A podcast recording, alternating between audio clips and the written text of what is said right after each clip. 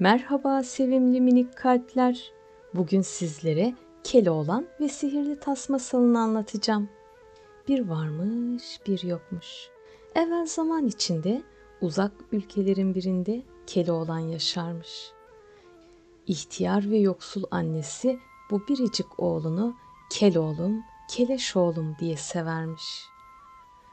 Günlerden bir gün Keloğlan annesinden izin alıp balık tutmaya gitmiş. Belki birkaç balık yakalarım. Anacığımla pişirir, yeriz. Aç karnımızı doyururuz. diye mırıldanmış. Irmağın kenarına gelip oltasını salmış. Öğleye doğru kocaman bir balık tutmuş. Pulları gümüş gibi parlak, gözleri cam gibi aydınlık, güzel mi güzel bir balıkmış bu. Keloğlan balığın pullarını kazımış, karnını açıp temizlemek istemiş. Bir de ne görsün? Balığın karnının içinde kocaman bir tas durmuyor mu?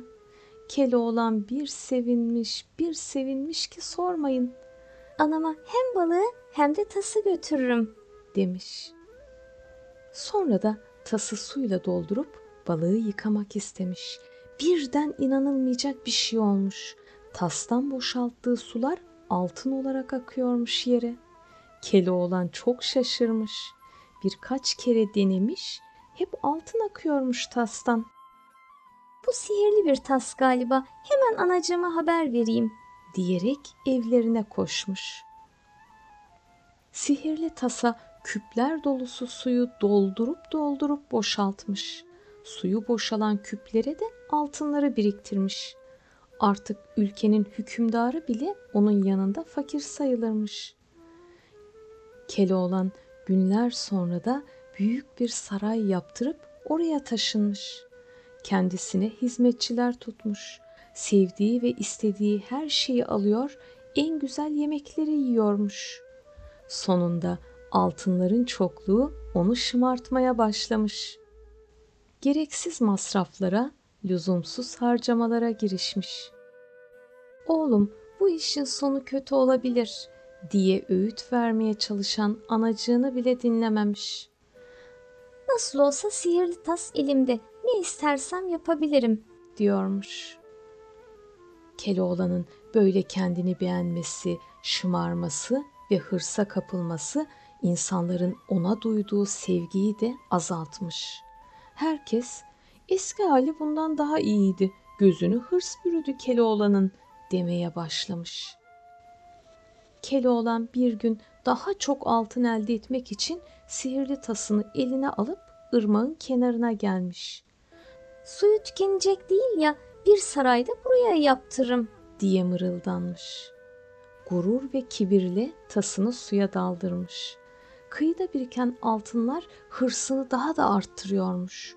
Daha hızlı, daha hızlı daldırmaya başlamış tası. Artık altınlardan başka hiçbir şey düşünmüyormuş.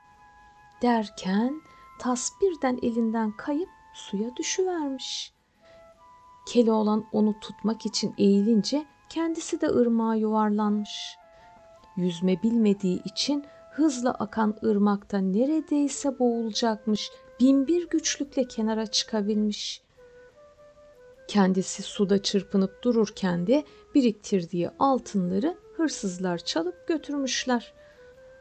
Artık tası bulmanın da imkanı kalmadığından ağlaya ağlaya annesinin yanına dönmüş. Başına gelenleri anlatmış. Annesi, üzülme yavrum, haydan gelen huya gider.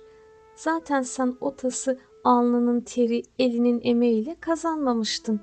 Üstelik zenginlik seni iyice şımartmıştı. Böylesi daha iyi oldu. Hiç olmazsa kendini başkalarından üstün görme hastalığından kurtulursun. Keloğlan bu sözlerle teselli bulmuş. Anasına da hak vermiş. O günden sonra da hiç sihirli tastan bahsetmemiş.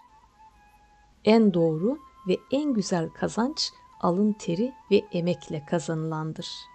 Tekrar görüşmek üzere sevimli minik kalpler. Hoşça kalın.